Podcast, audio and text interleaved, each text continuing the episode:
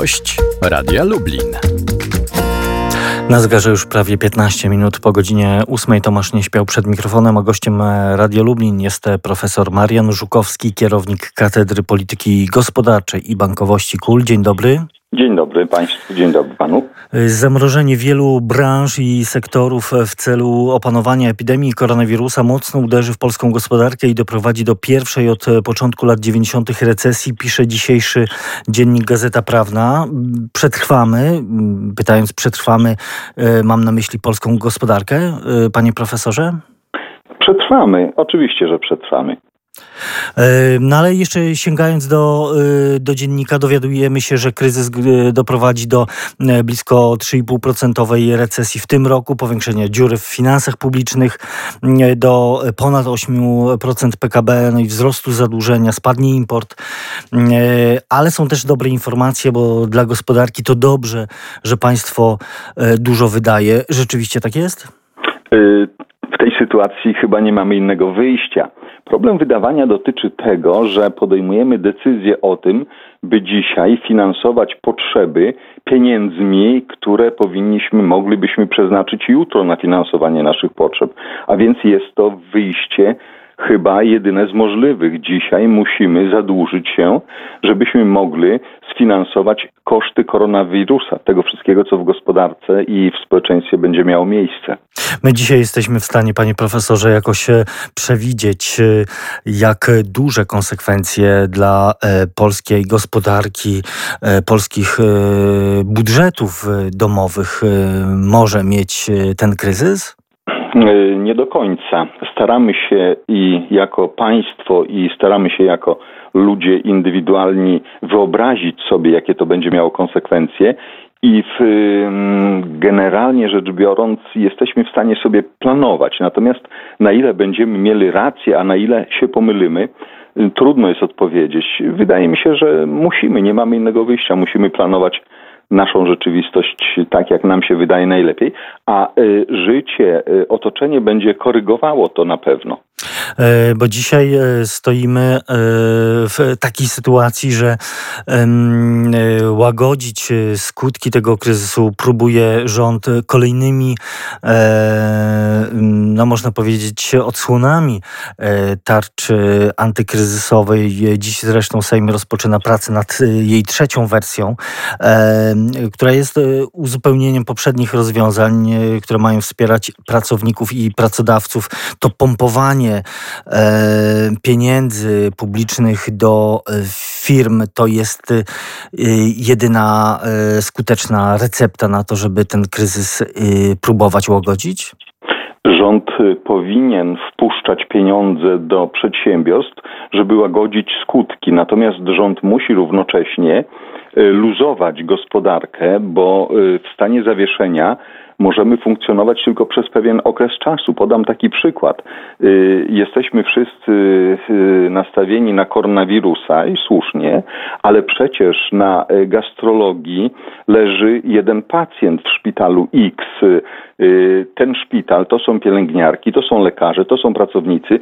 Jeżeli gastrologia nie będzie leczyła obok koronawirusa, no to prawdopodobnie NFZ nie da im pieniędzy. A jeżeli nie da im pieniędzy, no to oni zadadzą sobie pytanie, muszą to pytanie postawić, z czego będą funkcjonowali, a więc y, gospodarka powinna się powoli otwierać. Musimy produkować, musimy świadczyć usługi, y, ludziom y, zęby się psują i stomatolodzy muszą ruszyć do pracy. Kiedy ruszą, jak, przy jakich zasadach, no to jest pytanie ciekawe, ale powoli gospodarka musi ruszyć. E, ale to jest tak, że to właśnie odmrażanie y, gospodarki to jest jedno, drugie y, to jest właśnie to pompowanie w pieniędzy w te skutki kryzysu związanego z epidemią. E, czy finanse publiczne to wszystko wytrzymają? E, powiem tak, finanse publiczne się napinają, bo jeżeli mamy informację, że ZUS ma już mniejsze wpływy w ostatnim miesiącu o kilka miliardów złotych niż w poprzednim miesiącu, niż wpływy planowane, no to jest rzeczą oczywistą, że ten ZUS będzie musiał z czegoś finansować swoje potrzeby. Jeżeli jeszcze ZUS będzie finansował potrzeby dodatkowe o charakterze nie ekonomicznym, a o charakterze społeczno-politycznym, bym powiedział, to tym bardziej ten budżet się napina. Więc tutaj gospodarka musi dostawać pieniądze od państwa na krótki termin. Przedsiębiorcy w krótkim czasie, w krótkim terminie muszą mieć ulgi związane z płaceniem danin, muszą mieć środki na e, przeżycie, ale w dłuższym okresie czasu, w okresie kilku miesięcy, przedsiębiorstwa muszą ruszyć. To będzie inna rzeczywistość, która nas czeka, ale y, gospodarka musi zacząć y, pracować.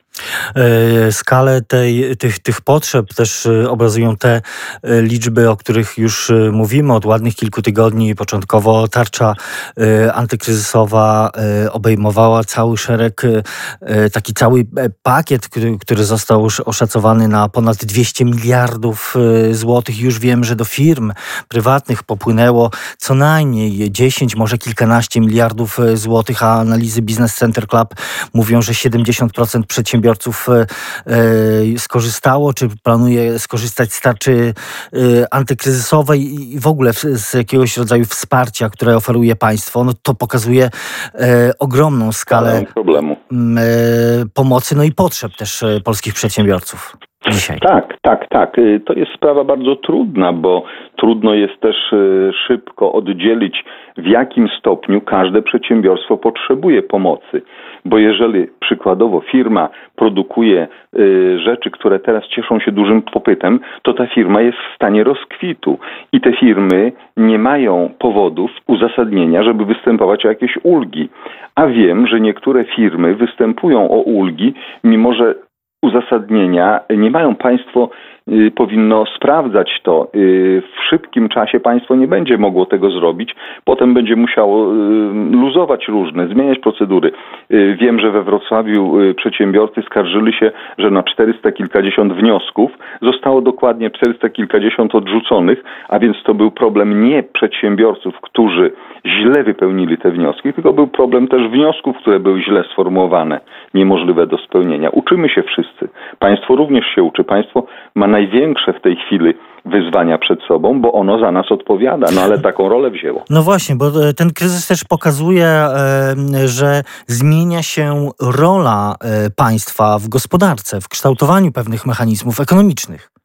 Tak, no w teorii ekonomii to jest taka y, teoria, która mówi o opiekuńczej roli państwa i która mówi, że państwo gospodarkę powinno zostawić rynkowi.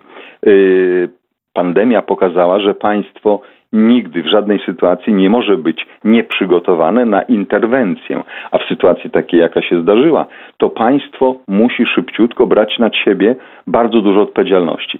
W pierwszym momencie mam wrażenie, że nasze państwo postąpiło bardzo roztropnie i gospodarkę zahamowało, żeby nie doprowadzić do katastrofy. Ale w drugim momencie państwo musi puszczać powoli pedał hamulca, dodawać gazu, bo gospodarka to jest produkcja, to są usługi. Gospodarka to my, klienci, którzy chcą coś kupić, chcą, gdzieś coś zrobić, gdzieś pojechać, skorzystać z tego, co jest produkowane. A na dzień dzisiejszy takie możliwości mamy bardzo ograniczone. Yy, mają zostać e, wprowadzone kolejne e, e, etapy odmrożenia polskiej gospodarki. Czekamy na te najnowsze informacje, ale jeszcze nad tym państwem, o którym pan profesor powiedział, są oczywiście struktury europejskie chociażby, bo epidemia dotyka cały świat, także Unię Europejską. Komisja Europejska zatwierdziła ten polski program wsparcia mikrofirmy oraz małych i średnich przedsiębiorstw przedsiębiorstw. E, to jest program o wartości ponad 16 e, miliardów e, euro. Tak. euro. To też jest ogromne wsparcie, jeśli doliczymy to do tych programów, które jakby w skali kraju uruchamia rząd. Tak, y, trzeba docenić y, działania Unii Europejskiej.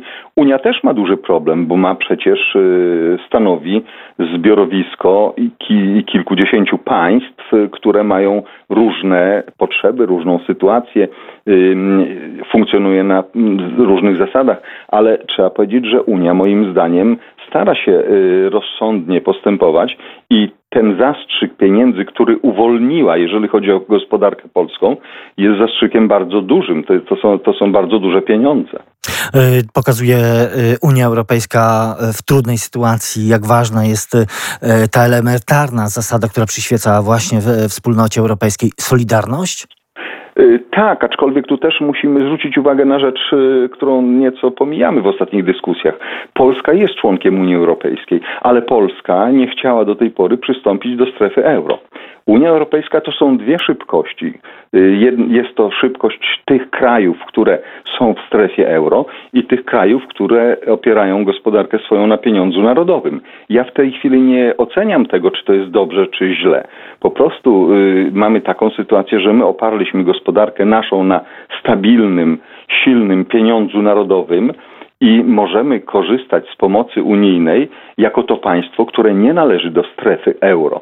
W strefie euro będą obowiązywały y, inne zasady y, pomocowe.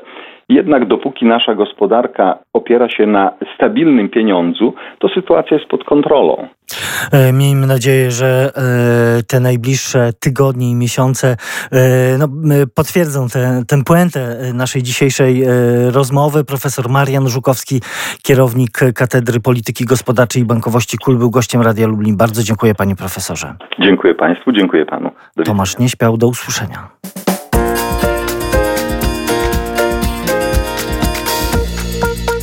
Gość Radia Lublin.